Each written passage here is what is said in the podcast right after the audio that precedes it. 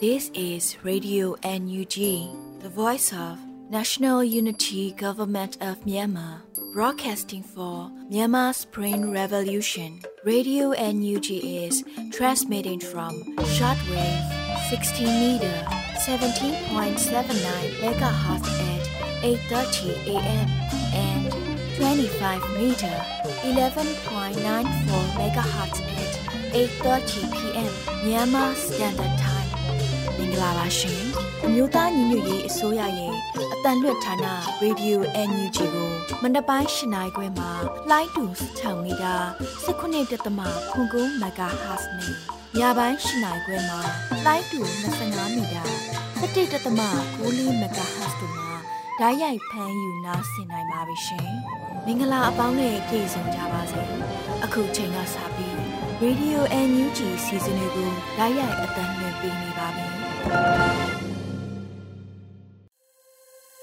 မင်္ဂလာပါတောတာရှင်တွေအားလုံးရှင်လန်းချမ်းမြေ့ကြပါစေဘေးကင်းရန်ကွာရှိကြပါစေလို့ကျွန်တော်တို့ Radio UNG ဝိုင်းတော်သူဝိုင်းတော်သားများကမြစ်တာပို့တာပါတယ် Radio UNG ရဲ့မနက်ခင်းအစီအစဉ်တွေနားဆင်ဖို့အချိန်ကြာရောက်လာပါပြီကျွန်တော်ကအစီအစဉ်တင်ဆက်ပေးမယ့်လွတ်လပ်နေဦးပါအခုချိန်ကစပြီစောတဲလူနေဖတ်ကြားထားတဲ့ကာကွယ်ရေးဝန်ကြီးဌာနရဲ့နေ့စဉ်စစ်ရေးတရင်အကျဉ်းချုပ်ကို နားဆင်နိုင်ပါပြီခင်ဗျအမျိုးသားညီညွတ်ရေးဆိုရာကာကွယ်ရေးဝန်ကြီးဌာနမှနိုင်စဉ်ထုတ်ဝေတဲ့နိုင်စဉ်စီရေးသတင်းအကျဉ်းချုပ်များကိုစတင်တင်ပြပေးပါမယ်။သတင်းများအရစစ်ကောင်စီတပ်သားတအူးသေဆုံးပြီး9ဦးထိခိုက်ဒဏ်ရာရရှိခဲ့ကြောင်းသတင်းရရှိပါရခင်ဗျာ။စစ်ကောင်စီနဲ့တိုက်ပွဲဖြစ်ပွားမှုများမှာရှမ်းပြည်နယ်တွင်နိုဝင်ဘာလ18ရက်နေ့ကနောင်ချုံမြို့နယ်နှင့်ပြင်ဦးနယ်မြို့နယ်ခြားတွင်စစ်ကောင်စီတပ်နှင့် ပြည်သူ့ကာကွယ်ရေးတပ်မတော်မန္တလေးတို့တိုက်ပွဲပြင်းထန်ခဲ့ပြီးစစ်ကောင်စီတပ်သား9ဦးထိခိုက်ဒဏ်ရာရရှိကာပြည်သူ့ကာကွယ်ရေးရဲဘော်၄ဦးအသေးစားဒဏ်ရာများရရှိခဲ့ကြောင်းသတင်းရရှိပါရခင်ဗျာမန္တလေးတိုင်းတွင်နိုဝင်ဘာလ18ရက်နေ့မနက်9:30မိနစ်ခန့်ကမရယာမြို့နယ်တောင်ပြုံးရွာမှာပြူစောတိကောင်းဆောင်မူကြီးအားပသိမ်ကြီးမြို့နယ်ပြည်သူ့ကာကွယ်ရေးတပ်ဖွဲ့ G-Sister မြို့ပြပျောက်ကြားညီနောင်တို့ပူးပေါင်း၍တောင်ပြုံးတန်လန်းထိပ်အနီးတွင်ပြစ်ခတ်တိုက်ခိုက်ခဲ့ကြောင်းသတင်းရရှိပါရခင်ဗျာ နိုဝင်ဘာလ18ရက်နေ့မနက်ပိုင်းကမရယာမြို့နယ်တဖန်တောင်ရွာအနီးတွင်ခြေလျင်စစ်ကြောင်းဖြင့်လာသောအင်အား80ဦးခန့်ပါဝင်သည့်စစ်ကောင်စီစစ်ကြောင်းအားနတ်ဆိုးမြောက်ဒေါ်လာရေးတပ်ဖွဲ့ NGU FF အဖွဲ့နှင့်တိုက်သိမ်းဒေါ်လာရေးတပ်ဖွဲ့များပူးပေါင်း၍ပရိဒါမိုင်းဖြင့်ဖောက်ခွဲတိုက်ခိုက်ခဲ့ရာစစ်ကောင်စီများတိုက်ဆုံမှုရှိနိုင်ကြောင်းသတင်းရရှိပါရခင်ဗျာစစ်ကောင်စီကျူးလွန်သောရာဇဝတ်မှုများမှာကရင်ပြည်နယ်တွင်နိုဝင်ဘာလ18ရက်နေ့ညနေ9:00နာရီခန့်က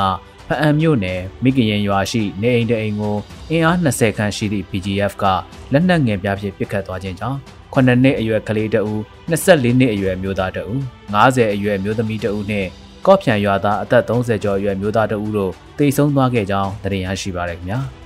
ရခိုင်ပြည်နယ်တွင်နိုဝင်ဘာလ18ရက်နေ့မနက်10:00နာရီခန့်ကကြောက်တော်မြို့နယ်ရုပ်သားကြေးရွာနီတွင် ကစ္စပါနရီမြစ်အတိုင်းခုံမောင်းလာသောစားနပ်ရိက္ခာများတင်ဆောင်လာသည့်ဆက်လီတစီအားစစ်ကောင်စီတပ်များမှတနက်ဖြန်ပစ်ခတ်သဖြင့်ဝါကင်တုံကျေးရွာမှကိုနီရှိုင်း23နှစ်နှင့်ကိုရာရှစ်30တို့ထိခိုက်ဒဏ်ရာရရှိခဲ့ပြီးကိုရာရှစ်30မှာအသက်အန္တရာယ်စိုးရိမ်ရသည့်အထိဒဏ်ရာပြင်းထန်ကြောင်းသတင်းရရှိပါရခင်ဗျာ။စကိုင်းတိုင်းတွင်နိုဝင်ဘာလ18ရက်နေ့ကခင်ဦးမြို့နယ်မရအင်းကျေးရွာအနီးသို့စစ်ကောင်စီတပ်သား ပြူစောတိများရောက်ရှိလာပြီးမရအင်းကျေးရွာသားတအူကုန်းသာကျေးရွာသား2ဦးတို့ကိုဖမ်းဆီးခဲ့ပြီးပြန်လည်လွှတ်ပေးခဲ့ပါသည်ထို့နောက်စစ်ဘေးရှောင်ပြည်သူများ၏ဆိုင်ကယ်၅စီးကိုစစ်ကောင်စီတပ်သားများမှမိရှို့ဖျက်ဆီးသွားခဲ့ကြောင်းသတင်းရရှိပါရခင်ဗျာမကွေးတိုင်းတွင်နိုဝင်ဘာလ18ရက်နေ့ည9:00နာရီခန့်ကကွင်းဖြူမြို့နယ်ကျောင်းကုန်းကြီးကျေးရွာသို့စစ်ကောင်စီတပ်ဖွဲ့ဝင်များဝင်ရောက်လာပြီးတနက်များပြစ်ဖောက်၍ဒေသခံပြည်သူ၃ဦးအားဖမ်းဆီးသွားခဲ့ပြီးနောက် ထိုသုံးဦးဟာအရမငွေကြေးအစမတန်တောင်းခံကနိုဝင်ဘာလ18ရက်နေ့ညနေပိုင်းတွင်ပြန်လွှတ်ပေးခဲ့ကြောင်းသတင်းရရှိပါရခင်ဗျာမန္တလေးတိုင်းတွင်နိုဝင်ဘာလ18ရက်နေ့ညပိုင်းကမြင်းကြံမြို့နယ်စုံရွာမှာ NLD ထောက်ခံသူဒေသခံ2ဦးနဲ့ကွေကြီးရွာမှ NLD ထောက်ခံသူကိုငွေမြင့်ကိုပို့စင်ကိုမြင့်သေးတို့3ဦးအားစစ်ကောင်စီတပ်များမှဝင်ရောက်ဖမ်းဆီးသွားခဲ့ကြောင်းသတင်းရရှိပါရခင်ဗျာယခုဖော်ပြပါသတင်းများကိုမြေပြင်သတင်းတာဝန်ခံများနဲ့ သတင်းဌာနများမှဖော်ပြလာသောအချက်လက်များပေါ်တွင်အခြေခံပြုစုထားခြင်းဖြစ်ပါတယ်ကျွန်တော်စောတဲလူနေပါ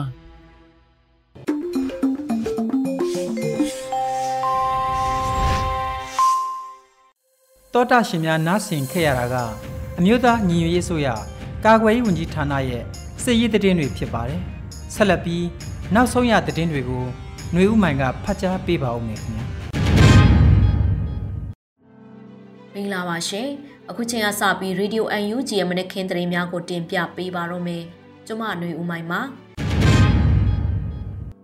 ပထမဆုံးအနေနဲ့ຫນွေဦးတော်လှိုင်းမှာကြာရနေရကနေအတမကိုစန့်ကျင်ကြောင်းပြသဖို့ပြည်သူလူထုကယာယီသမရဒူဝါလက်ရှိလာတိုက်တွန်းပြောကြားလိုက်တဲ့သတင်းကိုတင်ပြပေးပါမယ်။ရွေဦးတော်လှိုင်းမှာကြာရနေရကနေအတမကိုစန့်ကျင်ကြောင်းပြသဖို့ပြည်သူလူထုကယာယီသမရဒူဝါလက်ရှိလာတိုက်တွန်းပြောကြားလိုက်ပါတယ်။ နိုဘာ18ရက်အရေးပေါ်အခြေပြမိန့်ခွန်းမှာယာယီသမရဒူဝါလက်ရှိလာကထည့်သွင်းပြောကြားခဲ့ပါတယ်။ကျွန်တော်နဲ့အမျိုးသားညီညွတ်ရေးအစိုးရဟာစစ်အာဏာရှင်စနစ်ချုပ်ငင်းတဲ့ပန်းနိုင်ကိုမရောက်မချင်းဆက်လက်တိုက်ပွဲဝင်သွားမှာဖြစ်တယ်လို့ထပ်လောင်းကြိပေးပြရစေ။ထို့အတူပြည်သူတဦးတယောက်ချင်းစီရဲ့ social media ပေါ်က like တစ်ချက် share တစ်ခုကအစ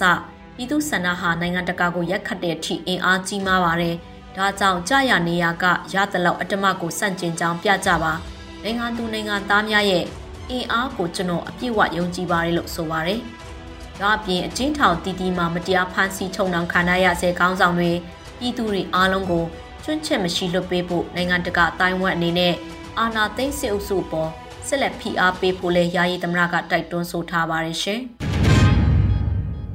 ဆက်လက်ပြီးမြမမြေပေါ်မှစစ်အာဏာရှင်စနစ်ကိုအမြင့်ပြတ်ဖယ်ရှားကတိုင်းသားမဟာမိတ်များအားလုံးနဲ့ပူးပေါင်းလက်တွဲကဆက်လက်တိုက်ပွဲဝင်သွားမယ်လို့အမျိုးသားညီညွတ်ရေးအစိုးရထုတ်ပြန်လိုက်တဲ့သတင်းကိုတင်ပြပေးပါမယ်။မြမမြေပေါ်မှစစ်အာဏာရှင်စနစ်ကိုအမြင့်ပြတ်ဖယ်ရှားကတိုင်းသားမဟာမိတ်များအားလုံးနဲ့ပူးပေါင်းလက်တွဲကဆက်လက်တိုက်ပွဲဝင်သွားမယ်လို့အမျိုးသားညီညွတ်ရေးအစိုးရကထုတ်ပြန်ပါတယ်။နိုမာ18ရက်အကြမ်းဖက်စစ်အုပ်စု၏မတရားဖမ်းဆီးထုတ်နှောင်ခြင်းခံထားရသော နိုင်ငံရေးအကျဉ်းသားအချို့ပြန်လည်လွတ်မြောက်လာမှုနဲ့ပတ်သက်သည့်ကြေညာချက်မှာပေါ်ပြပါရှိပါတယ်။အသက်နဲ့ခန္ဓာမြဲလက်ပြန်လည်လွတ်မြောက်လာခဲ့ကြသောနိုင်ငံရေးအကျဉ်းသားများအတွက်အမျိုးသားညီညွတ်ရေးအစိုးရအနေဖြင့်ဝမ်းမြောက်မိပါတယ်။တို့ရရင်ပြန်လည်လွတ်မြောက်လာသောနိုင်ငံရေးအကျဉ်းသားများအားလုံးသည်မတရားဖမ်းဆီးချုပ်နှောင်ခံခဲ့ကြရသူများဖြစ်ခြင်းမတရားဖမ်းဆီးခံရပြီးပြန်လည်လွတ်မြောက်ခြင်းမရှိသေးသူများစွာကြာရှိနေခြင်းပြန်လည်လွတ်မြောက်လာခြင်းမရှိတော့ဘဲ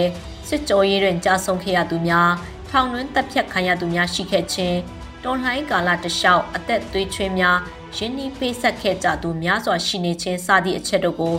အမှတ်ရနေရမည်ဖြစ်ကာထို့ကဲ့သို့သောမတရားမှုများအလုံးအတွက်တရားမျှတမှုကိုပြန်လည်ရရှိစေရေးကိုအမျိုးသားညီညွတ်ရေးအစိုးရအနေဖြင့်တစိမ့်မမတ်ဆက်လက်စ조사ဆောင်ရွက်သွားမှာဖြစ်တယ်လို့ဆိုပါတယ်။ ဒါအပြင်အမျိုးသားညီညွတ်ရေးအစိုးရအနေဖြင့်လည်းတိုင်းသားပြည်သူတရက်လုံးလိုလားတောင်းတနေသောဖက်ဒရယ်ဒီမိုကရေစီပြည်ထောင်စုပန်းနိုင်ကိုမြစ်ချေပြတ်မခံဘဲမြမမြေပေါ်မှစစ်အာဏာရှင်စနစ်ကို အမြင့်ပြတ်ဖယ်ရှားကာပန်းနိုင်ကိုလက်ဝဲပိုင်ပိုင်လှမ်းကင်နိုင်သည့်အထိတိုင်းသားမဟာမိတ်များအားလုံးနဲ့ပူပေါင်းလက်တွဲကဆက်လက်တိုက်ပွဲဝင်သွားမည်ဖြစ်ကြောင်းထက်လောင်းကြိပြုပါတယ်လို့ထုတ်ပြန်ထားပါတယ်ရှင်။အမျိုးသားညီညွတ်ရေးအစိုးရ ပညာရေးဝန်ကြီးဌာနနဲ့ Arizona State University တို့ပူးပေါင်း၍ ASU Universal Courses အတွက် Free Scholarship Online Courses သင်တန်းတက်ရောက်ရာသင်တန်းသားများခေါ်ယူတဲ့သတင်းကိုဆက်လက်တင်ပြပေးပါမယ်။အမျိုးသားညီညွတ်ရေးအစိုးရပညာရေးဝန်ကြီးဌာနနဲ့ Arizona State University တို့ပူးပေါင်း၍ ASU Universal Courses အတွက် Free Scholarship Online Courses သင်တန်းတက်ရောက်ရန်သင်တန်းသားများခေါ်ယူနေတယ်လို့သတင်းရရှိပါရယ်။ နိုမာလာအတွင်းမှာပညာရေးဝန်ကြီးဌာနကတရားဝင်အသိပေးကြေညာပါတယ်။အမျိုးသားညီညွတ်ရေးအစိုးရပညာရေးဝန်ကြီးဌာနနဲ့ Arizona State University တို့ပူးပေါင်း၍ ASU Universal Courses အတွက် Free Scholarship Online Courses သင်တန်းတက်ရောက်ရန်နိုင်ငံတကာစစ်ဆိုင်ရေးနိုင်ငံရေးသိပ္ပံနဲ့ဆက်ဆက်သောလူမှုရေးသိပ္ပံဘာသာရေးများမှတက်ရောက်လူသောចောင်းသူចောင်းသားများသည်2022ခုနှစ်နိုဝင်ဘာ26ရက်နေ့နောက်ဆုံးထား၍လျှောက်ထားနိုင်ကြောင်း အသိပေးကြေညာအပ်ပါတယ်လို့ဖော်ပြပါတယ်။သင်တန်းမှာ Certification Course Form ASU ဖြစ်ပြီးတော့သင်တန်းကာလမှာ3လဖြစ်ပါတယ်။ ASU ဖော်ပြပါသင်တန်းဆိုင်ရာအသေးစိတ်ကို ea.asu.edu link တွင်ဝင်ရောက်လေ့လာပြီးနောက်သင်တန်းအမျိုးအစား90ကျော်မှနှစ်တရာ course တစ်ခုသာရွေးချယ်လျှောက်ထားနိုင်တယ်လို့သိရပါတယ်ရှင်။ ဆက်လက်ပြီးနှွေဦးတော်လှန်ရေးရဲ့အာသာချက်ဟာစိတ်တက်ရေးရဖြစ်တယ်လို့ဒူးဝင်ကြီးဒေါက်တာငိုင်းတမောင်ပြောကြားတဲ့သတင်းကိုတင်ပြပေးပါမယ်။တော်လှန်ရေးရဲ့အာသာချက်ဟာစိတ်တက်ရေးရဖြစ်တယ်လို့ဒူးဝင်ကြီးဒေါက်တာငိုင်းတမောင်ပြောကြားလိုက်ပါတယ်။နိုဘာ18ရက်အမျိုးသားညီညွတ်ရေးအစိုးရဂျာကာလာဒေသန္တရပြည်သူ့ချုပ်ရေးဖော်ဆောင်မှုဗဟိုကော်မတီနဲ့တိုးချက်ပြည်သူ့အုပ်ချုပ်ရေးအဖွဲ့များတွေ့ဆုံပွဲမှာလူသားချင်းစာနာထောက်ထားရေးနဲ့ဒီအနေဆိုင်ရာစီမံခန့်ခွဲဝင်ကြီးဌာနမှ ဒုဝန်ကြီးဒေါက်တာငိုင်းတောင်မောင်ကဆိုပါတယ်ယခုရက်ပိုင်း၌စက်ကောင်စီသည်ရစ်စစ်ကြမ်းကြုတ်သောနီလာမျိုးစုံဖြင့်ဆောင်ရွက်လာပါကြောင်းအမျိုးသားညီညွတ်ရေးအစိုးရအနေနဲ့တနှစ်မဟာဗျူဟာစီမံကိန်းကိုဆောင်ရွက်လက်ရှိပါကြောင်းအုပ်ချုပ်ရေးလုပ်ငန်းများဖော်ဆောင်ရတဲ့ပအဖပကဖပလဖချင်းချင်းပေါင်းဆက်ညှိနှိုင်းဆောင်ရွက်ရေးသည့်အရေးကြီးကြောင်းတော်လှန်ရေးတွင်အာသာချက်သည့်စိတ်တက်ရေးရဖြစ်ပါကြောင်းနဲ့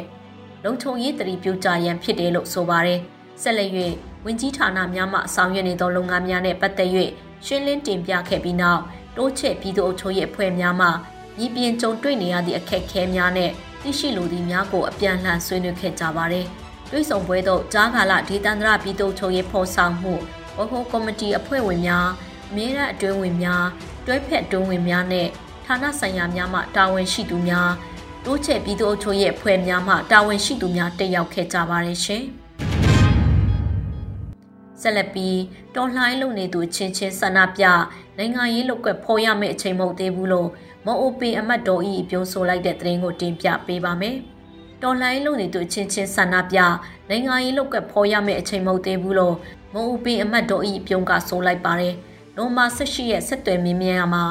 UNG Radio ကိုမအိုပင်အမတ်တော်ဤပြုံးကဖြေကြားခဲ့ပါတယ်။ခုချိန်ကတော်လှန်ရေးအောင်မြင်အောင်ဝိုင်းဝန်းပံ့ပိုးရမယ့်ချိန်လေးနှင်းတဲ့ထွင်ရင် ညအောင်ဘလို့ပူပေါင်းမလဲပေါ့ဒီကာလမှာစက်ကောင်စီထောက်ခံသူနဲ့တော်လှန်ရေးလို့တွန်းလှန်သူဆိုတဲ့ဘက်နှစ်ခုပဲရှိမှာအဲ့ချိန်မှာတော်လှန်လို့နေသူအချင်းချင်းဆန္ဒပြနိုင်ငံရေးလောက်ကဖော်ဟန်ရေးပြရမယ့်အချိန်မဟုတ်သေးဘူးထင်တာပဲလို့ဆိုပါတယ်။နိုမာလာတွင်ထိုင်းနိုင်ငံမဲဆောက်မှာလူငယ်သုံးဦးက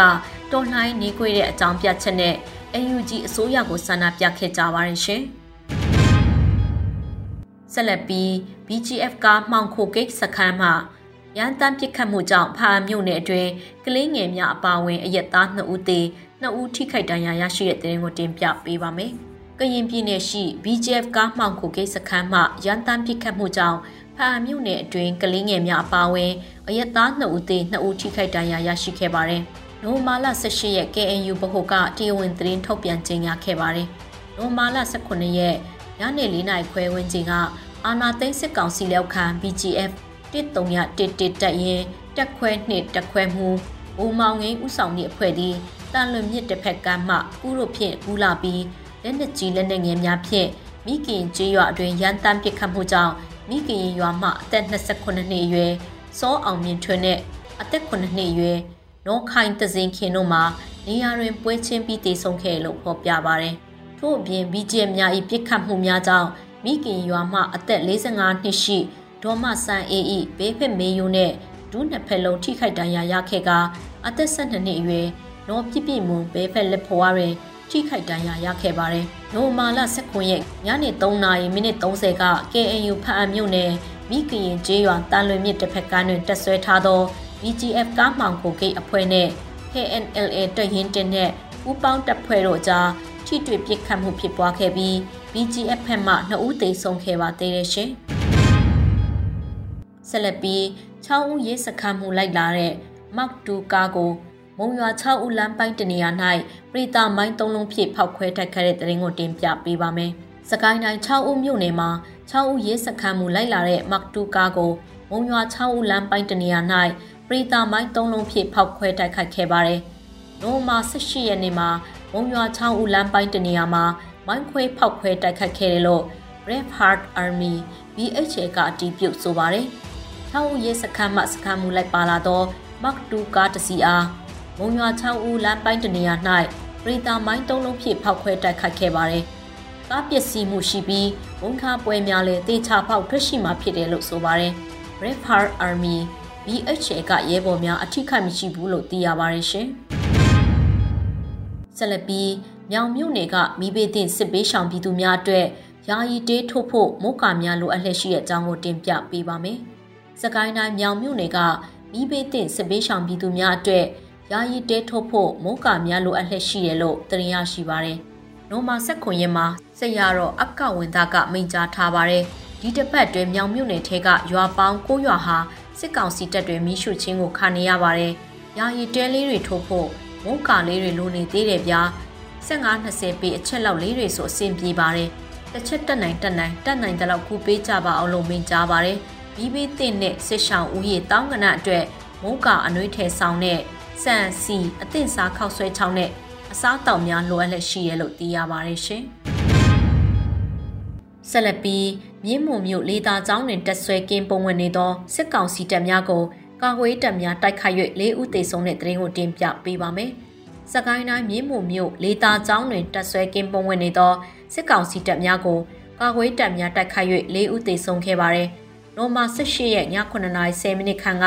မြင်းမူမြို့လေသာကျောင်းတွင်တက်ဆွဲကင်းပုံဝင်နေသောစစ်ကောင်စီတပ်များကိုတိုက်ခိုက်ခဲ့တယ်လို့ True Fighter အဖွဲ့ကတီးပြုတ်ဆိုပါတယ်။နိုဝင်ဘာ18ည9:10မိနစ်ခန့်က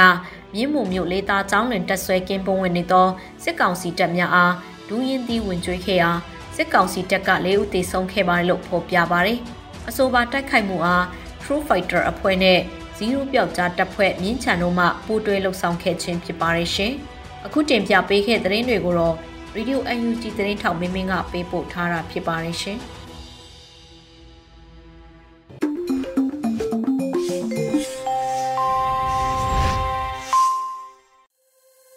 နိုဗ ెంబర్ လ19ရက်မနက်ခင်းတဲ့တွင်တွေကိုနားဆင်ခဲ့ကြရတာပါဆက်လက်ပြီးတော်လိုင်းကြီးကြပြတဲ့ပုတ်ကိုတင်ဆက်ဖို့စီစဉ်ထားပါတယ်ဝါရင်တော်လိုင်းကြီးကလောင်ရှင် ဆရာအောင်ဝေးရဲ့လက်ရာတစ်ပုတ်ဖြစ်ပါတယ်ရှင်ဥဒ္ဓမကျော်တို့ကတော့ပန်းလို့အမည်ပေးထားပြီးကျွန်တော်လွတ်လပ်နေဦးကပဲခန်းစားရွတ်ဖတ်ခွင့်ပြုပါခင်ဗျရှင်ဥဒ္ဓမကျော်တို့ကတော့ပန်းသူတို့ပဲဖမ်းဖမ်း၍ပြန်လှော့ထောင်ကကျွတ်လဲလှုပ်ပြီးပြန်ဖမ်းငရဲကမ်းမှာ မောင်မလွမ်းတော့ပါဘူးဖေဟာဆန်းလဲမဆန်းတော့ပါဘူးဖေဟာမိနေတဲ့ဓာအသွားကဆုပ်သူရုတ်တတိုက်လူမိုက်တခိုးအပယ်မျိုးတို့မုတ်ဆိုးခြုံကလက်ချောင်းဒီပါဖေဟာသွေးစွန်းသောလက်ပြေးပြေးရက်သည်ခွေးထက်မိုက်သောဘုတ် ပေါ်ဝါဝါဘောပုတ်ကာလကတ်နာကြပြီဇာတန္တရဏတောဗယံပဲဖျားမအလတရဏံအမင်္ဂလံပဲဖျားပြည်သူအင်အားမလေးစားရင်ဓာသွားလဲကြွေလှန်လဲခွေအန်းတဲ့နန္ဒီသေနလမ်းညွန်ပြလဲတမ္မရယူ အာနာမူသည်ဘလူးသွားကိုလက်ဖြဲတီးပါဖျားစစ်ခွေးအုတ်အုတ်ရွာမီးရှို့ခိုက်ငုဘဖုံဆိုးစင်ကန်းတိုးတို့အမျိုးဘာသာသာသနာဟုအာနာတဝက်မာယာတစ်ဖက်တိုင်းပြည်ဖြတ်၍ရမက်ကြီးသောဝိနီးလွယ်သော ဘုံငေါဟစ်ပြီးအလစ်စီတို့ဓာတ်စီလောင်းပေးနေကြတယ်ဖေ။ဘောငုံစိတ်စိတ်ဝစီပိတ်နေစေဖေ။ခိတ္တသမားဖက်စစ်သားကိုတရားမပြမတားကြပဲအားပေးအားမြောက်ပျောက်ကိုခါချိတ်တိတ်ခါတွင်းဆုံး ကတုံးနဲ့ဘီးပြူစောထီးတွေတီးမျိုးခိုင်ညာလက်ပြွတ်တီးပါဖျားအောင်ဝေး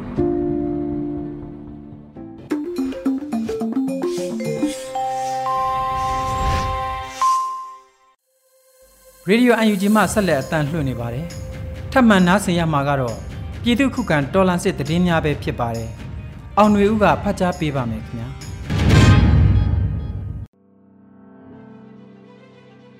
ပရမဥစွာတင်ဆက်မှာကဒီမော့ဆိုမှာစစ်တပ်ရိတ်ခတင်ကမိုင်းဆွဲခံရတဲ့သတင်းဖြစ်ပါတယ်။ကင်းနီပြည်နယ်ဒီမော့ဆိုမြို့နယ်တွင်စစ်တပ်ရိတ်ခတင်ကမိုင်းဆွဲခံရပြီးစစ်သား3ဦးသေဆုံးကြောင်းကင်းနီတော်လန်ရေးတပ်ပေါင်းစု KRU ကပြောပါတယ်။နိုဝင်ဘာ18ရက်နေ့ကရတော်လန်ရေးတပ်ပေါင်းစု KRU လှုပ်ရှားစစ်မျက်နှာပြင်ဖြစ်သောရွာသားကုန်းကျေးရွာအတွင်းဖျက်ဆီးသွားလာခဲ့သောစစ်ကောင်စီရိတ်ခါနဲ့လက်နက်တင်ပို့ကားကို KRU တပ်ဖွဲ့ကမိုင်းပစ် တိုက်ခိုက်ခဲ့ပြီးကားတစ်စီးပျက်စီးခဲ့ကစစ်ကောင်စီတပ်သား3ယောက်ထိခိုက်ဒေဆုံးခဲ့ကြောင်းသိရပါတယ်။ကြောက်ထုမှစစ်တပ်စစ်ကြောင်းနဲ့ PDF တပ်ဖွဲ့များတိုက်ပွဲဖြစ်ပွားတဲ့တဲ့ရင်ကိုဆက်လက်တင်ဆက်မှာပါ။မကွေးတိုင်းကြောက်ထုမြို့နယ်တွင်ကြေးရွာများကိုမီးရှို့နေသောအကြမ်းဖက်စစ်တပ်စစ်ကြောင်းကိုကာဝေးတပ်ဖွဲ့များကတိုက်ခိုက်ခဲ့ပြီးစစ်သား10ဦးခန့်တေဆုံးကြောင်းသိရပါတယ်။နိုမာ14ရက်မွန်းလ2နာရီမိနစ်40တွင်ကြောက်ထုမဟာမိတ်တပ်ပေါင်းစုများအဖွဲ့မှလက်ပန်းကျေးရွာတွင် တက်ဆွဲထားသောစစ်တပ်ကိုလက်နက်ကြီးလက်နက်ငယ်ဒရုန်းများဖြင့်နှစ်နာရီခန့်အကြာပြန်လည်ပစ်ခတ်ခဲ့ပြီးကာကွယ်ရေးတပ်ဖွဲ့များမှတောက်လျှောက်လိုက်လံပစ်ခတ်ခဲ့သောကြောင့်စစ်တပ်စစ်ကြောင်းများလက်ပန်းကျေးရွာမှဆုတ်ခွာသွားတယ်လို့ဆိုပါတယ်။ဆိုပါတိုက်ပွဲအတွင်းအကြမ်းဖက်စစ်တပ်မှအ ਨੇ ဆုံး10ဦးခန့်တေဆုံးခဲ့ကြောင်းကြောက်တု PDF YRPA ကထုတ်ပြန်ထားတာပါ။နောက်ဆုံးတင်ဆက်မှာကခင်ဦးတိုက်ပွဲမှာစစ်တပ်ဘက်ကအထိနာတဲ့သတင်းဖြစ်ပါတယ်။ရေဦးမြို့မှထွက်ခွာလာသောအင်အား80ခန့်ပါဝင်သည့် စစ်တပ်စစ်ကြောင်းသည်ခင်ဦးမြို့အနောက်တောင်ကျမ်းရှိညောင်မင်းချမ်းဆယ်ကြီးမယန်းအင်ကုန်းသာကြီးရွာများကိုမှွေနောက်ဖျက်ဆီးလာသောကြောင့်ကုန်းသာအောင်သာရွှေမင်းကျွရအကြားမွန်းလက်တနာရီခန့်တွင်ဒေသခံကာကွယ်ရေးတပ်ဖွဲ့များနှင့်ထိတွေ့တိုက်ပွဲဖြစ်ပွားခဲ့ပြီးစစ်သား10ဦးခန့်တေဆုံးခဲ့ကြောင်းသိရပါတယ်။ကျမ်းပတ်စစ်တပ်စစ်ကြောင်းကိုပြည်သူ့ကာကွယ်ရေးတပ်ပေါင်းစုများမှပူးပေါင်းတိုက်ခိုက်ခြင်းဖြစ်ကြောင်းလည်းထုတ်ပြန်ထားပါတယ်။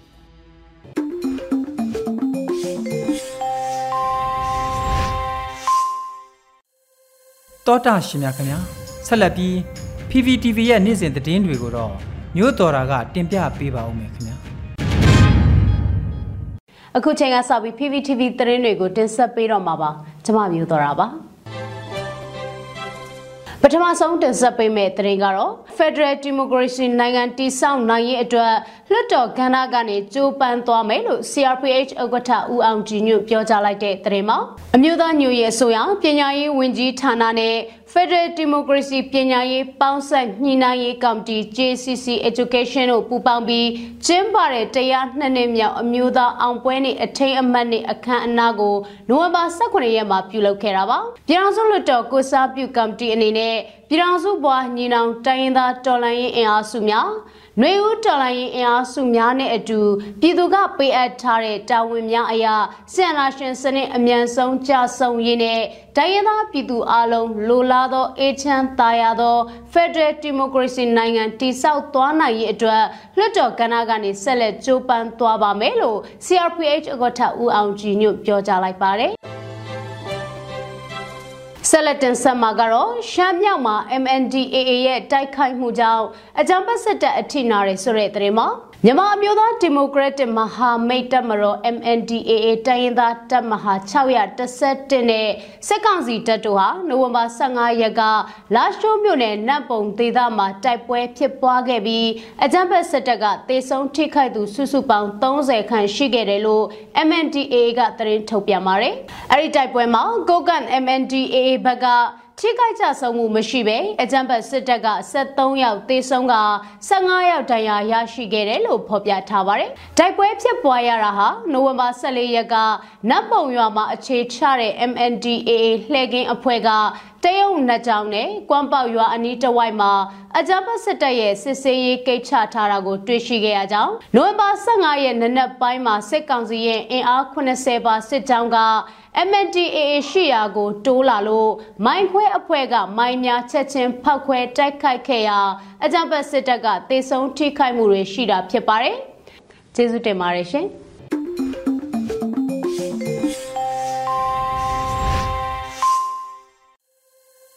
ရေဒီယိုအန်ယူဂျီရဲ့နိုဝင်ဘာလ19ရက်မနက်ခင်းအစီအစဉ်များကိုနားဆင်နေကြတာပါအခုတိုင်းရင်းသားအစီအစဉ်မှာဂျိုးချင်းဘာသာစကားထုတ်လွှင့်မှုအဖွဲ့ကစီစဉ်တဲ့ဂျိုးချင်းဒိုင်းဘာသာနဲ့သတင်းထုတ်လွှင့်မှုကိုတင်ဆက်ပေးလိုက်ပါတယ်ခင်ဗျာဒိုင်ရီဒီယိုทั้งထုနာကျုံအကီနောပဘေနာစန်ပိုင်နာဘေဆေ ขึ้นสู่มาตรงหงยากาทางเยสุนเนี่ยสูงไอละตุขยะรักกี้อักษกาการเบลนเฮกอุมาทรีไปกงย่อยตุกวายาประคบอุมนอยามใจกีเดียทั้งอังหินากาหาข้ามหรืออุมตุงนากา CNE สองปังมัดชิกีเดียทั้งอักทุมนากาเจสปูนออายาหดเบสลางงเขวอังปุยอูเดียทั้งอักทุนากาเจสปูนอซ่อมดุนเฮเด็ดป่านำไม่ยุงอาศีเดียทั้งอัมมานาคาเจสปูนอ pumong haya Dr. Wong Son Than Gui Ing Sing Pung Thu Song Pwe Ya Beki Tia Thange Nya Ngai Khaye Kakini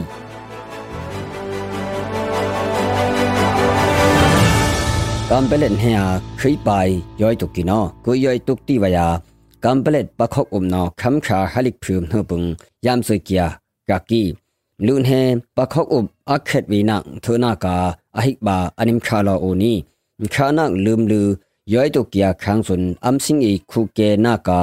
มสิงไว้ติลือยามสุกียกากีพาคำลือุมตุงนากุง CNE ตัดจัดสลายลารูตลอนสุน angka angka bulu thiki tilu chincha ne no ayuka kakini khamkha halik khum hum than brok suna anitun yang tungna ka thiki anitia kaki sesapo no m4 lipok mat yantong im thum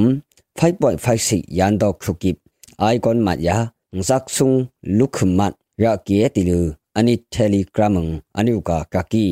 asunam hum tungna kong sesapo no lipok dum kap hulu twing sim set yung manager asa mathiki kona set yung khut po hi le ki tilu chin cha ne no ayuka kakini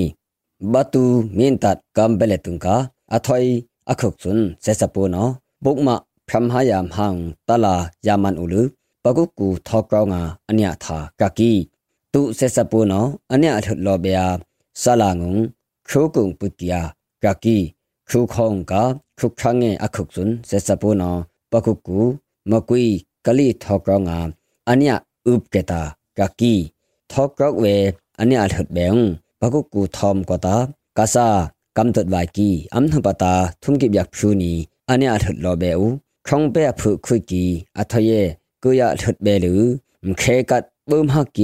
อันเนี้ยหดลอเบวติลือกำเบลตุงกาอัทอยมาตาอปุยนออเปนากะกี asuna athai sun kampalem lu uma simpem ba lu ase hua phu se sapu no man ulu pagu ku thong da ani tha uwa kaki kham kha halik khum no bung se sapu no pagu ku thong ka thum kip yak phu kali thong ka athum ki khu ya hut be ulu asunung khu ku pui lok ya kaki se sapu no nationality ang singna ka thokum thom ha phak khu konung khu kip yak ko ยาลหุดเบอุลืนายงายีทอกุมงเซกบอกยากากีมา အထုံကီခုရလဟုတ်ဘဲဥလူအဆုနုံခုကုပွီလောက်ယာကကီဇဇပူနော nationality အန်စင်နာကာသောကုမ်သောမဟာဖခုကနုံခုကိဗျက်ကောရလဟုတ်ဘဲဥလူနိုင်ငံကြီးသောကုမ်ဇက်ဘောက်ယာကကီမကွိခောဆ ோம் လုန်ဟဲလက်ပန်နမ်စွန်းဒုခာဟလိမ်ဟမ်နပုန်ဆက်စပူနောမီယုံအနိစီဝါကကီကြောက်ထုအမြောက်နော်ပီလက်ပန်ယာအပီပီ နမေဒါစုလိပေါကဒမ်ခုဝေထဒဟကီတီလူသံဟွာကာကီဒုကအမ်ဘေကောလပီကဲငလာကုံကိုယေနာဝေကီအဆုနာဖဘဆုကန်အိုယာလေပနုံကာခန်းဖက်ဖြူထွိစွန်းတုံဖန်အေယာကေယာကာကီနီအဟိနုံဆုံအိကီယာဆက်စပိုဒါအီပန်ဘေပီအမ်မေဟပ်ကီယာကာကီ BBC နော်ဆက်စပိုစွန်းသူဝိုင်ထာနာကီတီလူအပန် ဟွာကာကီနီအောင်ဟိုင်းနော်အပုခေါငါဆက်စပိုနော်ဒုခါဟလိခုနှပုန် nationality အမျိုးသားနိစင်နာကာခေါင်ပဲဖုခုတ်ဘီကီအခုကုံဂွိအင်းစင်ပွိုင်ဒစိယာဘေကီယာကာကီအဆွန်ဂိုင်ကီယံခုခေါင်ကခုခေါ်အန်ဝိုင်ဝမ်ဆုမောငါအစာပူမောင်ဟာယာစေစပူအခုခေါ်ဘွိုင်ဒေါက်တာဝုံဆွန်ထန်ဘုတ်ဟာယာကကီစေစပူဆွန်နောပူမောင်ဟန် မဟာတရီစီတုံပိုက်ဘဲလူခူခေါ်ဝန်ကြီးချုပ်ဒေါက်တာဝုံဆွမ်းထာနုံတီရိပြန်ချင်းပိုက်အပေတာကကီနီဇုံအကီနုပဘေနာနင်ရယေနာနီလောဘေတုကီခွန်းစုံတူတယာနင်ခုဘေတုကောမူ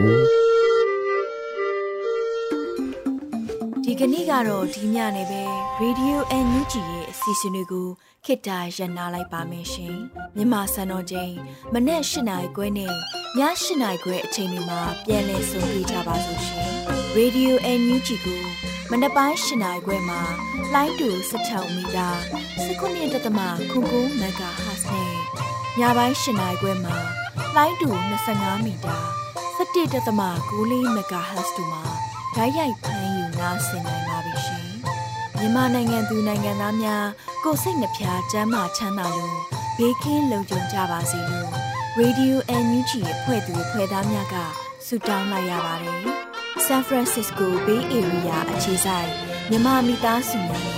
နိုင်ငံတကာကစေတနာရှင်များလို့အားပေးကြရဲ့ Radio NUG ဖြစ်ပါတယ်ရှင်။အရေးတော်ပုံအောင်ရမည်။